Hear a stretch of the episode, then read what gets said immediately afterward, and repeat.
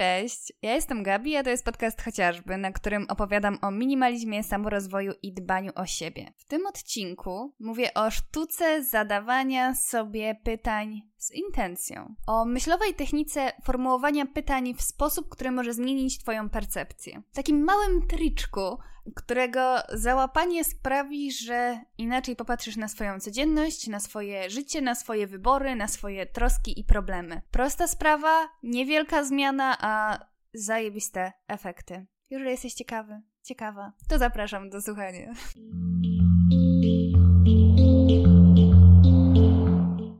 Dzisiaj chciałabym Wam opowiedzieć o takiej technice myślowej, którą e, zaczerpnęłam z książki Obudź w sobie olbrzyma Tony'ego Robinsa. W ogóle polecam Wam niezmiernie tę książkę. Początkowo, szczerze mówiąc, spodziewałam się, że to będzie taki pretensjonalny podręcznik rozwoju osobistego typu jesteś zwycięzcą, pełen wyłącznie afirmacji i umacniania dobrej samooceny, ale nic bardziej mylnego. To jest niezwykle rzeczowe, praktyczne, inteligentne i świadome ujęcie rozwoju osobistego i chciałabym powiedzieć w pigułce, ale wręcz przeciwnie, ponieważ to jest po prostu encyklopedia świadomego rozwoju osobistego i dochodzenia do tego, jacy jesteśmy, dlaczego, co możemy z tym zrobić, jak możemy to zmienić, jak naprawdę poznać siebie i na podstawie tego zacząć kreować swoje życie. Jest książka terapeutyczna i trudna i to nie jest do poczytania przy obiedzie, bo rzeczywiście to jest 700 stron bardzo mocnej wiedzy, a to wszystko jest wsparte przez zadania mocno terapeutyczne, trudne tak emocjonalnie, ale niezwykle efektywne. Także polecam Wam serdecznie tę książkę. Uważam, że każda osoba, która podejdzie do niej z otwartą głową, naprawdę chcąc się zmienić i wpakować sporo wysiłku w zmianę, to, to ta książka doprowadzi do przełomu w jej życiu. Także polecam Wam serdecznie tę książkę, a jeżeli chodzi o technikę myślową, o której dzisiaj wspomnę i właśnie o której pisze Tony Robbins, to chodzi tu o formułowanie pytań a właściwie o świadome formułowanie odpowiednich pytań, które działają na naszą korzyść.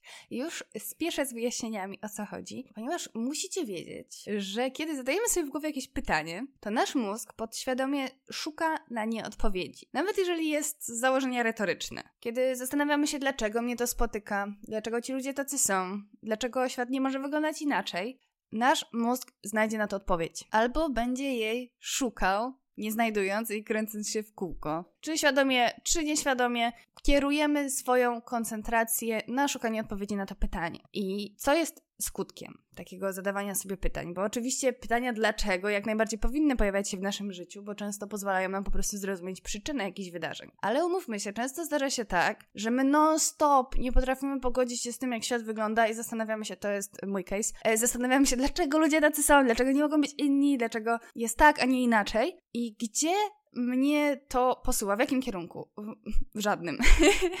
w żadnym kierunku, ale na pewno nie do przodu. Jedyne co, to pozwala ugrzęznąć na przykład w poczuciu niesprawiedliwości, niezadowolenia ze świata, takim koszmarze swojego utopijnego myślenia o tym, że świat będzie wyglądać tak jak chcemy, że nas nie będzie nic złego spotykać. I mało tego, kiedy zastanawiamy się, dlaczego na przykład tacy jesteśmy, to co nam przychodzi do głowy? Na milion procent znajdziemy rozwiązanie tego, wytłumaczenie naszych, czy nawet usprawiedliwienie naszych zachowań, na przykład w dzieciństwie. Znajdziemy, jeżeli się uprzemy w dzieciństwie każdej osoby na świecie, jakieś sytuacje, które mogły ją uwarunkować w negatywny sposób.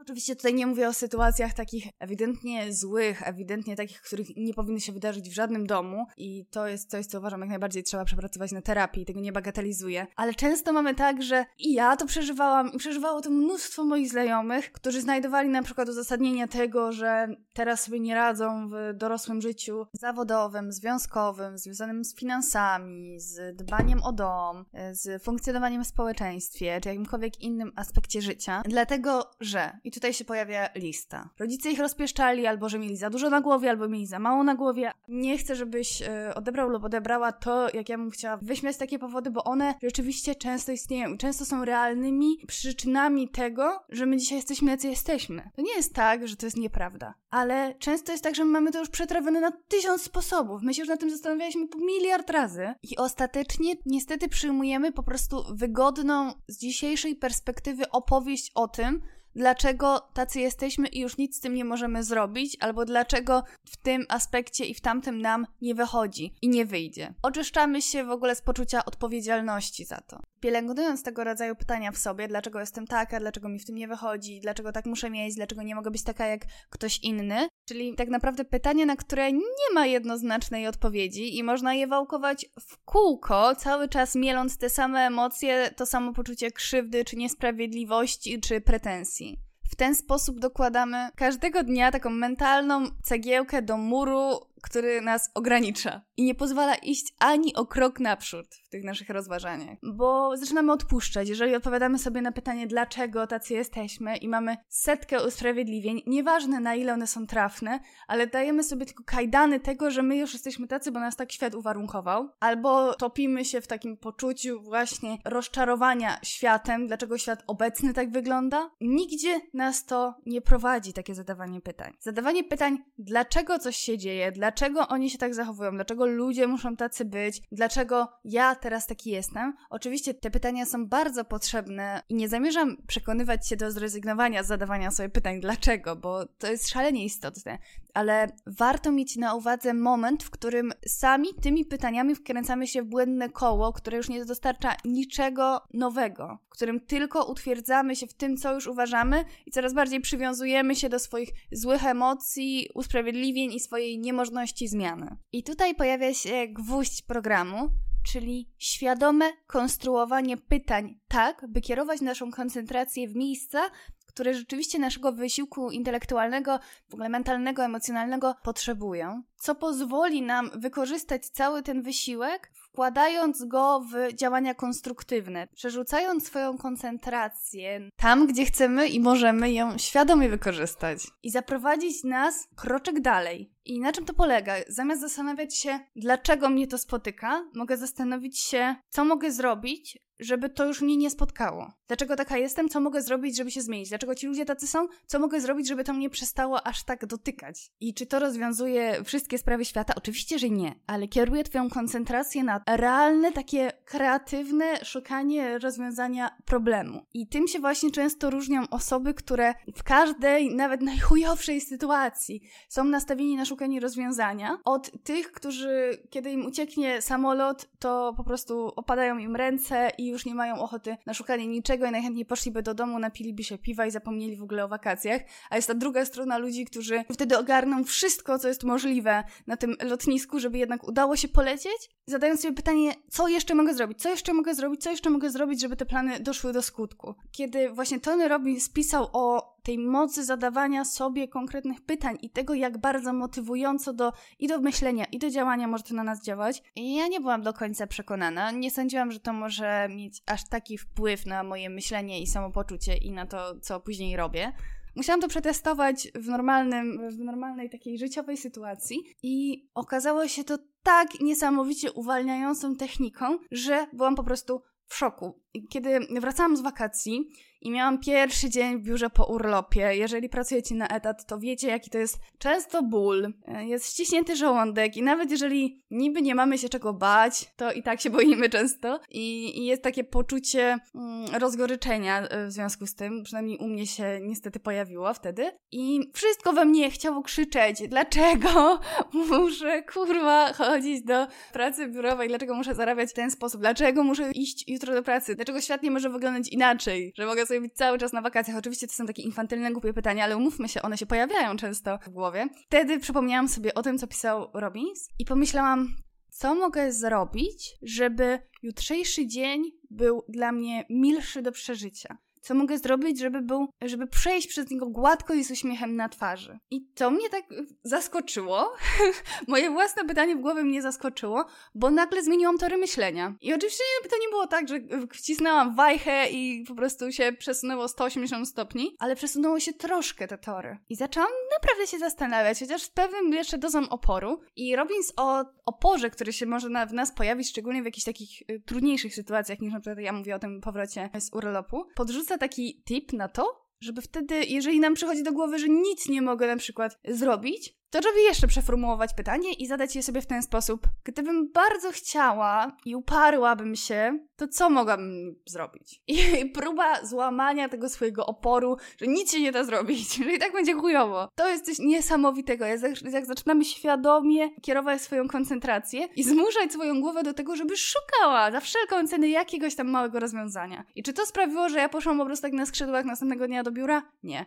Ale sprawiło, że naprawdę to było nieporównywalnie łatwiejszy, lepszy, milszy powrót niż kiedykolwiek. Bo później następnego dnia, kiedy się obudziłam, oczywiście często jest tak, że coś sobie mocno ustawimy w głowie wieczorem, a rano wstajemy i nie mamy siły żyć i nic nam się nie chce i to wszystko już ucieka z głowy. Ustawiałam sobie na telefonie przypomnienie razem z budzikiem, żeby zadawać sobie właśnie to pytanie, co mogę zrobić, żeby ten dzień był lepszy. I zaczęłam od rozpieszczania się po prostu. Zrobiłam sobie kakao i zajebiste śniadanko. Przygotowałam sobie tak, żeby móc sobie poczytać akurat jeszcze końcówkę książki rano, to znaczy ja tak często mam, że jak um, czytam jakąś zajebistą książkę, to, to wiecie, ta końcówka to jest taka esencja i ja sobie dawkuję książkę, żeby jej za szybko często nie przeczytać, jeżeli mi się jakoś bardzo podoba. Um, no i wtedy właśnie kończyłam e, obóz sobie olbrzyma i sobie tak zostawiłam i takie małe, wiecie, drobinki szczęśliwości sobie ustawiłam na ten dzień. E, z pełną właśnie świadomością tego, że on będzie dla mnie siłą rzeczy trudny. I że zastanawianie się na przykład nad tym, co ja robiłam zwykle, że dlaczego to musi być takie trudne, dlaczego zawsze mi się tak źle wraca do tej pracy, przecież wiem, że, że wrócę z urlopu, dlaczego tak mam. Nigdzie mnie to nie prowadziło. A w momencie, jak naprawdę zaczynałam wyszukiwać, co jeszcze mogłabym zrobić sobie, że, że, żeby tutaj sobie poprawić, e, poprawić ten nastrój. I przez cały dzień szukałam takich właśnie małych sposobów na poprawienie tej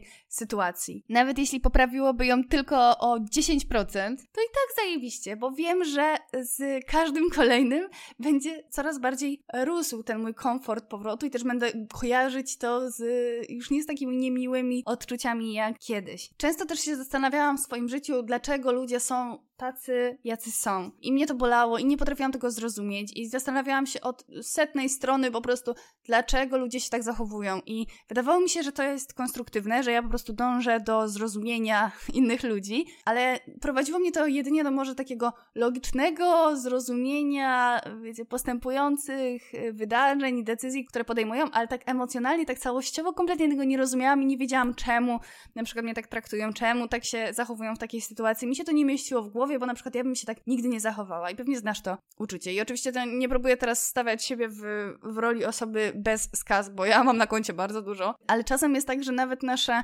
takie podejście do świata i versus to, jakie podejście do świata mają ludzie, w których otoczeniu często musimy przebywać na przykład w pracy, no wywołuje taki wewnętrzny opór, że czemu kurwa ci ludzie się muszą tak zachowywać, dlaczego, co sprawia I, i próbowałam to zrozumieć, że co sprawia, co im to daje. I nigdzie mnie to nie zaprowadziło, nie? Nie zrozumiałam ich, a nawet jeżeli możliwe, że to, o czym myślałam, rzeczywiście e, działo się w jej głowie, to w żaden sposób nie, nie sprawiło to, że mniej mnie to wkurwiało, że lepiej mi się z tym żyło. Nie potrafiłam za nic w świecie nabrać do tego dystansu.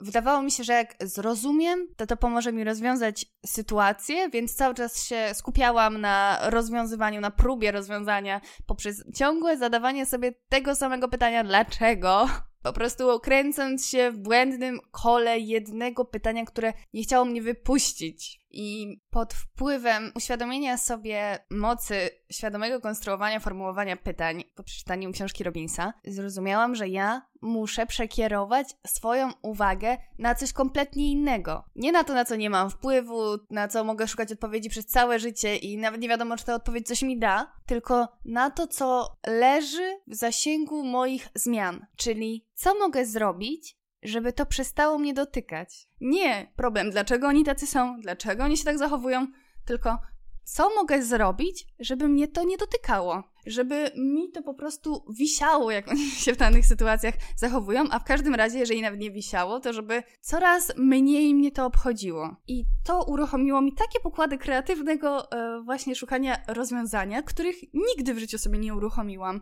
bo e, kiełkowało we mnie cały czas, mm, buzowało pytanie, dlaczego oni tacy są, dlaczego się tak zachowują, dlaczego ktoś mnie tak traktuje. Nigdy nie zastanawiałam się nad tym, co ja mogę zrobić, żeby mnie to nie dotykało. I moi bliscy wiele razy przedstawiali mi sprawę w ten sposób, że lepiej się nauczyć dystansu i po prostu wyrobić w sobie taką odporność na różne zdarzenia czy zachowania innych ludzi, ale no ja wiedziałam, że to jest rozwiązanie, ale nie miałam żadnego narzędzia, żeby dotrzeć do tego rozwiązania. To znaczy wiedziałam, co jest moim celem, ale nie miałam pojęcia, czym mam się posłużyć, żeby do tego dojść, bo kiedy po prostu chciałam się nie przejmować, po prostu chciałam nabrać dystansu, to nic z tego nie wychodziło. A okazało się, że moc świadomej koncentracji poprzez formułowanie odpowiednich pytań daje mi ścieżkę do takich zmian bo po prostu siłą rzeczy zaczynam szukać odpowiedzi na to pytanie i niekoniecznie znajduję je od razu, w tej samej chwili, w tym samym dniu. Może ta odpowiedź przyjdzie do mnie dopiero za miesiąc, ale nie będę mielić pytania, czemu tak jest, czemu tak robią, tylko co ja mogę zrobić.